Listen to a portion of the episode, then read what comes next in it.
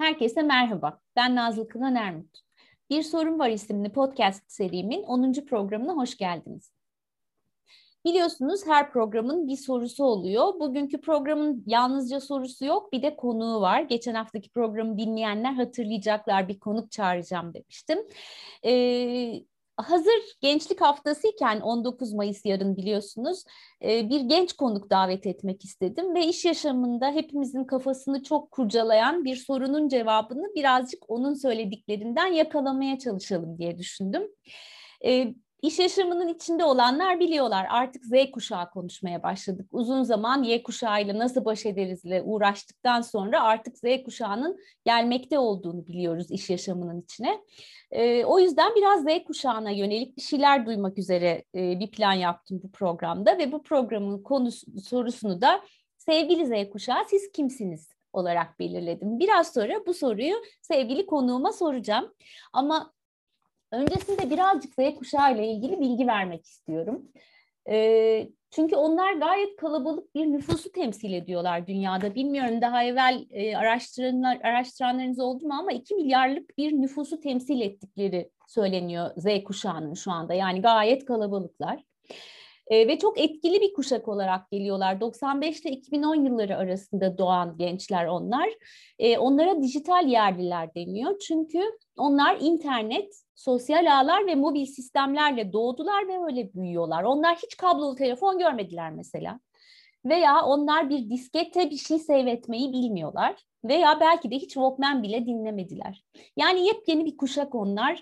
Ee, çok da farklı bakış açısına sahipler. Son derece görseller, bu internetin görselliğiyle büyüdükleri için bilişsel yeteneklerinin çok gelişkin olduğu söyleniyor Z kuşağının. Aynı zamanda farklı kaynaklardan edinilen bilgileri toparlama ve birleştirme konusunda da oldukça yetenekliler. Ee, gerçeği arıyorlar. Gerçek onlar için çok anlamlı e, ve yeni maceralar peşindeler. Macera onlar için enteresan bir şey. Etiketlerden hoşlanmıyorlar. İnsanlara etiket yapıştırmayı hiç sevmiyorlar. Çatışma çözmek konusunda da oldukça iyi ve hevesliler. Çok büyük bir amaçları var birçoğunun dünyayı daha iyi bir yer haline getirmek istiyorlar. Buna ben de bu amaçlarına çok şahit oluyorum.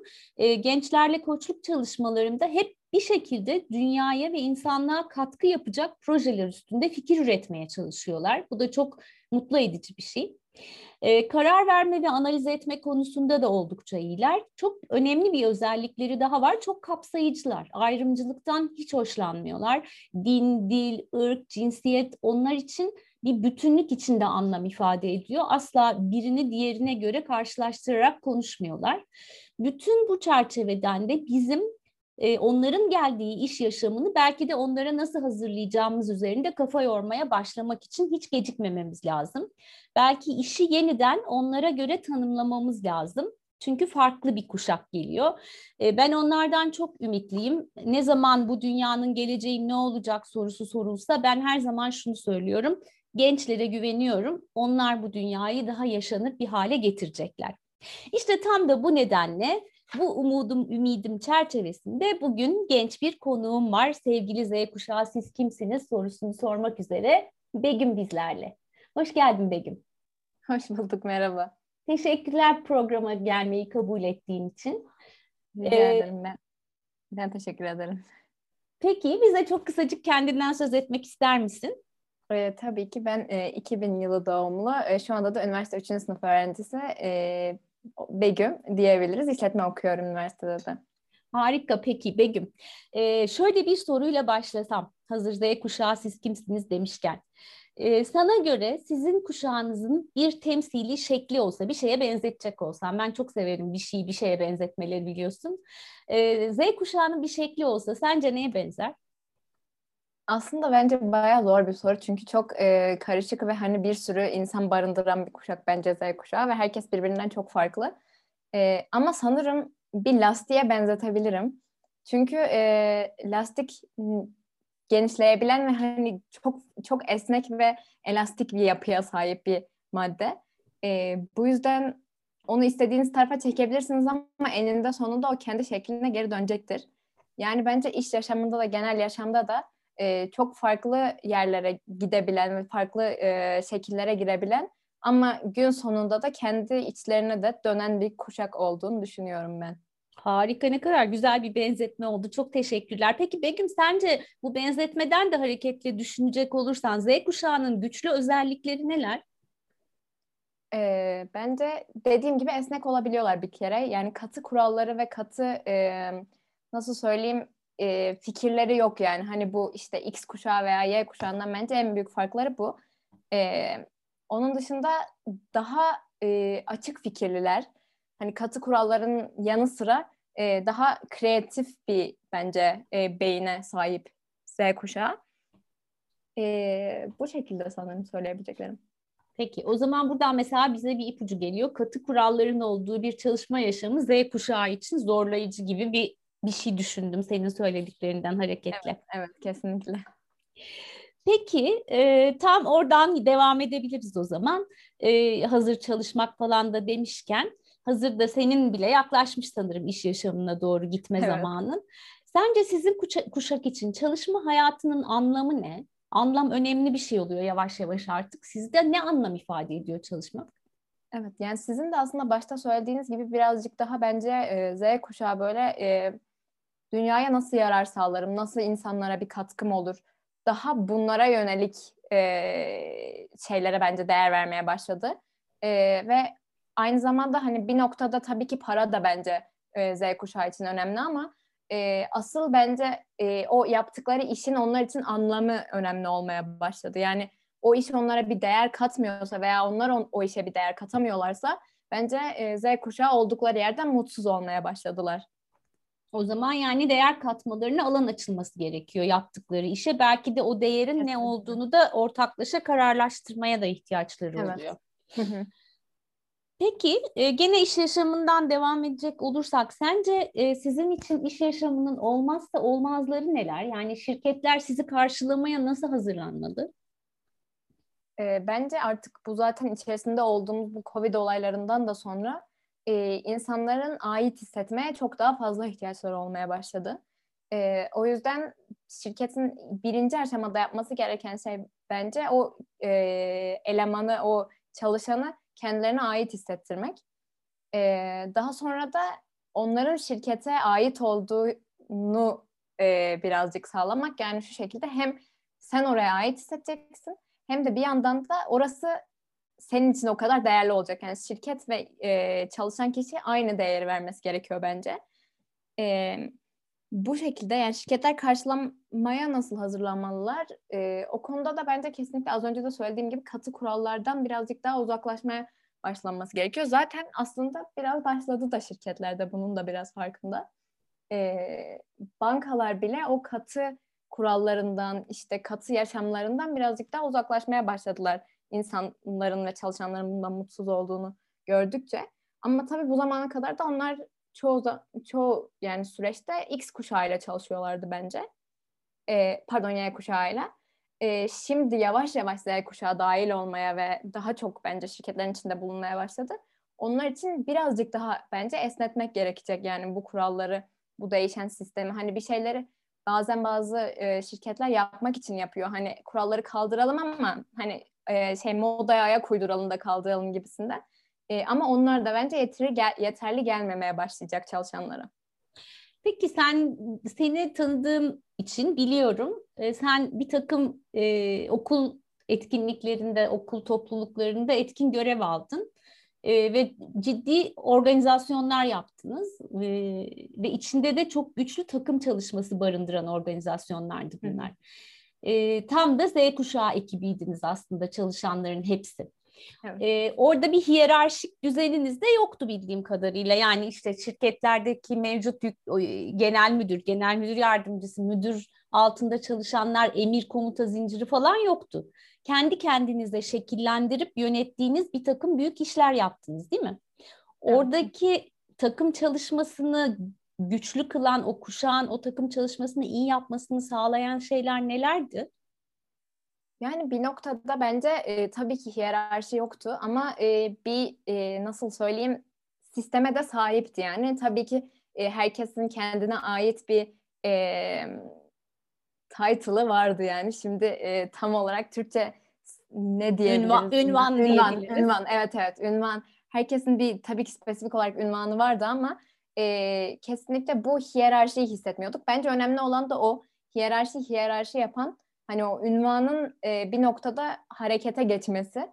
Ama e, takım çalışmasına bakınca da bu ünvanları düşünmeden yani ünvanları göz ardı ederek herkes aynı eşitlikteyken herkesin birbirine yardımcı olabileceği sadece bir e, spesifik alanda çalışmadan e, herkesin yani gerektiğinde insanların gidip başka alanlarda da çalışabildiği ve o alanlardan da başka şeyler öğrenebildiği bir yapı olduğu için bence e, daha iyi işle işliyordu şirketlere kıyasla.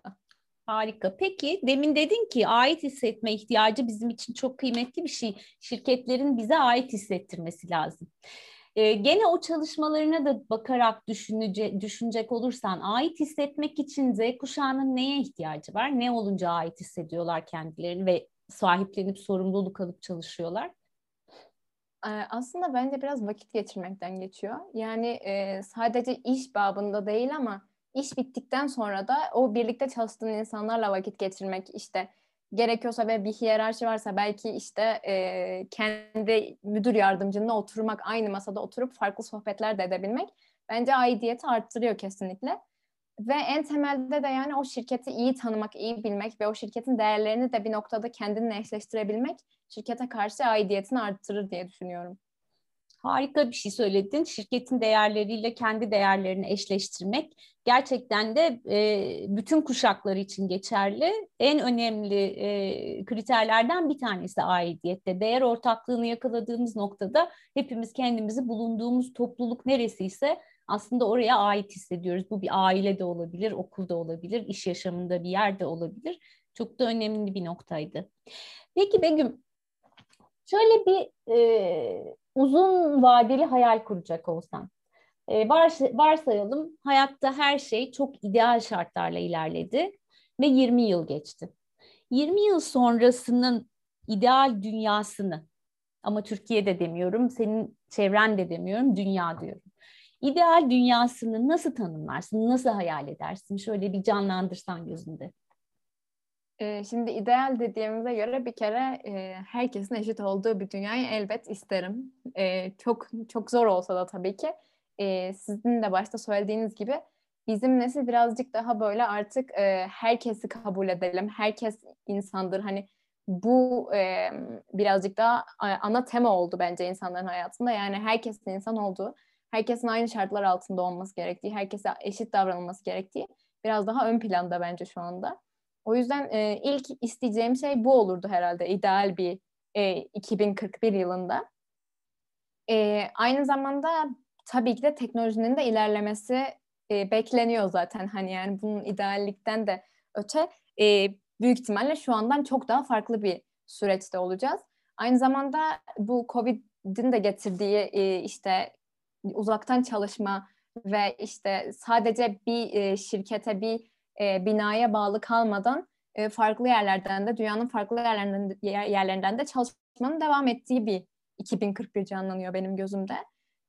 Bir noktada bence bu da eşitliği sağlıyor gibi diyebiliriz aslında. Çünkü eskiden belki de burada değil de farklı bir şehirde yani Ankara veya İstanbul'da yaşamayan, e, farklı bir şehirde yaşayan ve orada yaşamaya devam etmek zorunda olan bir insanın e, farklı bir şirkete e, girebilmesini sağlamaktır sonuçta uzaktan çalışmada. O yüzden bence bir noktada bir, şekilde eşitlikleri sağlayabileceğimiz bir dünya gibi gördüm diyelim. Eşitliklerin olduğu dünya. Peki böyle genel doğal koşullar açısından da bakacak olsan dünyanın bütününe, doğaya, iklime onda idealde ne fark ediyorsun? E, aslında yani şu an için çok e, parlak değil e, şu anda ama e, sonuçta doğayla insanın da bir şekilde birbirini eşitlemesi gerekiyor. Belki de şu an yaşadığımız koronaydı, işte iklim değişiklikleriydi. Dünyanın bizi eşitlemeye çalışması belki de bizi bu kadar evde tutmak. E, o yüzden insanlar da birazcık daha doğaya adapte olmayı ve onun kurallarıyla da yaşamayı öğrenirse 2041 yılında belki de e, kötüye gitmektense iyiye giden bir dünyada oluruz diye umuyorum. Peki süper cevaplardı. Sence sizin kuşağınızın artık sizin kuşağınızın e, yönetiminde gidecek dünya 2041'e doğru e, en büyük katkısı ne yönde olmalı bu senin de hayal ettiğin resme? Bence birçok insanın da hayali o yönde. Daha iyi, daha eşit, daha paylaşılan, doğanın temiz olduğu, iklimin yaşamaya devam ettiği bir dünya hepimizin hayali. Siz buna ne katacaksınız? Ee, yani dün, dünyaya anlamında mı soruyorsunuz? Hı, yani yoksa? o günleri getirmek için siz nasıl bir katkı sunacaksınız, sunmalısınız ya da? Ee, bence kesinlikle en yani küçük e, şey olan kendimizden başla, başlamalıyız. Yani hani işte ailemize bile bakmadan önce herkes kendinden başlayıp işte e, bu tabii ki komik olacak ama işte e, dışarıda içecek içtiğinizde pipet istememek bile bence e, doğaya olan bir katkının başlangıcıdır. E, ve o en küçük şey e, kahveye gittiğiniz arkadaşınızı etkiler ve o da ben de pipet almayayım der. E, yani çok e, etkileşimde ve iletişimde olduğumuz bir dünya içerisinde olduğumuz için bence artık bir insanın bir sosyal medya paylaşımı bile gerçekten çok fazla insana ulaşıyor ve çok fazla insanda e, bir şeyleri fark ettiriyor o insana. E, yani bunun en güzel örneği de e, Save Ralph diye bir video çıkmıştı mesela e, belki de yani e, hiç o videoyu normal zamanda olsa yani bundan 15-20 yıl olsa önce olsa görmeyecek insanlar e, şu anda görebiliyorlar sosyal medya sayesinde. Bu yüzden bence en en yani e, kolay başlanabilecek yer insanın kendinden başlaması. O, o sosyal medya postunu paylaşması bile insanın o insandan 20 kişiye ulaşmasını sağlıyor.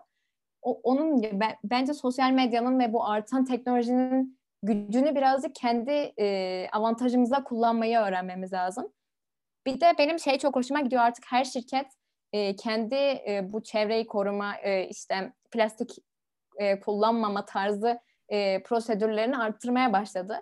E, daha biz işte yeni bir e, ödev için bakıyorduk. Mesela Pınar e, şirketi şeyleri kaldırmış. E, tamamen kağıt kullanımlarını kaldırmış ve yılda 510 ağaç kurtarmışlar. Yani 510 ağaç e, şu an belki de az duyuluyor ama e, her şirketin 510 ağaç kaldırması demek yani dikmesi demek çok fazla şeye bence e, eşitleniyor. Yani o yüzden herkesin kendi önce kendinden sonra da ulaşabildiklerinden başlaması en doğrusu olacak diye düşünüyorum. Evet çok güzel şeyler söyledin. Aslında bu yalnız sizin kuşağın değil şu anda dünyanın üzerinde yaşayan herkesin sorumluluğu olmalı. Ee, ve e, gerçekten o ortak paylaştığımız ortak evimiz aslında dünya hepimizin evi. Onu daha e, sağlıklı yaşatmak için neler yapılacağı konusunda herkesin de kendi üzerine düşeni yapmasında da e, çok büyük gereklilik olduğunu düşünüyorum. Üstelik de belki de geç kalınmış birçok şey var. Bir an önce dönüp e, ileriye bakıp belki herkesin bir 2041 güzel hayaliyle beraber yola çıkmasında da fayda var. Evet e, Begüm çok teşekkür ederim. Z kuşağı ile ilgili çok güzel şeyler paylaştın bizimle bu kısacık sürede. E, son olarak söylemek istediğin bir şey var mı herkese, bizi dinleyenlere? Ee, belki şunu söyleyebilirim yani hem sadece çevre ve iklim veya işte plastik dönüşümü açısından değil ama her konuda e, iş yaşamında da artık bence e, Z kuşağı daha bireysel ve daha e, güçlü, cesaretli dediğiniz gibi olduğuna göre herkesin önce kendinden başlayarak e, istediklerini ve olması gerektiğini düşündüklerini e, kendinden başlayarak yapması ve daha sonra da e, bunu çevresine ve e, şirketine de e, entegre etmesi gerektiğini düşünüyorum. Şahane. Ben bir bilgi okumuştum. Sık sık da onu paylaşırım. Bir kişinin üçüncü seviye etki alanında 8 bin kişi olduğunu söylüyordu e, bunu da çok küçük bir grupla saymaya başlıyordu. Aile bireyleri, e, iş arkadaşları ve sosyal çevresi veya sizin için okul arkadaşları herkesin o kadar arkadaşı olduğundan hareketle 8 bin kişiye ulaşma im- imkanımız vardı. Bunu sosyal medya ile birlikte düşündüğümüzde etkili sosyal medya kullanımıyla gerçekten çok insanla bir şeyleri paylaşmamız mümkün. Onun için güzel tohumları geleceğe doğru serpmek e, çok önemli. Hazır Gençlik Bayramı gelmişken, hazır yarın atamızın siz gençlere armağan ettiği e, Gençlik ve Spor Bayramı'nı kutlayacakken o zaman senin mesajınla bitirmiş olalım. E, bugünden geleceğe hepimiz kendi sorumluluklarımızı alıp dünyamızı daha güzel, daha ortak yaşanabilir, hepimizin ortak evi olan bir yere dönüştürmek için bir an önce yola çıkalım. Ve bunun içine iş yaşamı da dahil, iş yaşamı da sizi karşılamaya bir an evvel hazırlansın. Ne dersin? Evet, kesinlikle katılıyorum. Evet e, sevgili dinleyenler e, bugün bir konuğum vardı. Sevgili Begüm'e Z kuşağı siz kimsiniz diye sordum. Birazcık ipuçları aldık Begüm'den iş yaşamına da dair, hayata bakışlarına da dair. Çok teşekkür ediyorum Begüm'e bizimle olduğu için. E, bugünden geleceğe giden yolculuğun Begüm'ün hayal ettiği gibi gerçekleşmesini diliyorum. Gelecek programda farklı bir konuyla beraber olacağız. Bakarsınız yine bir konuğum olur. O sorumu o e, konuğuma sorarım. Ben de ona biliyorsunuz hafta içinde karar veriyorum. E, herkese bir sonraki programa kadar sağlıklı, mutlu, keyifli günler diliyorum. E, bizi dinlediğiniz için teşekkür ederiz. Hoşçakalın.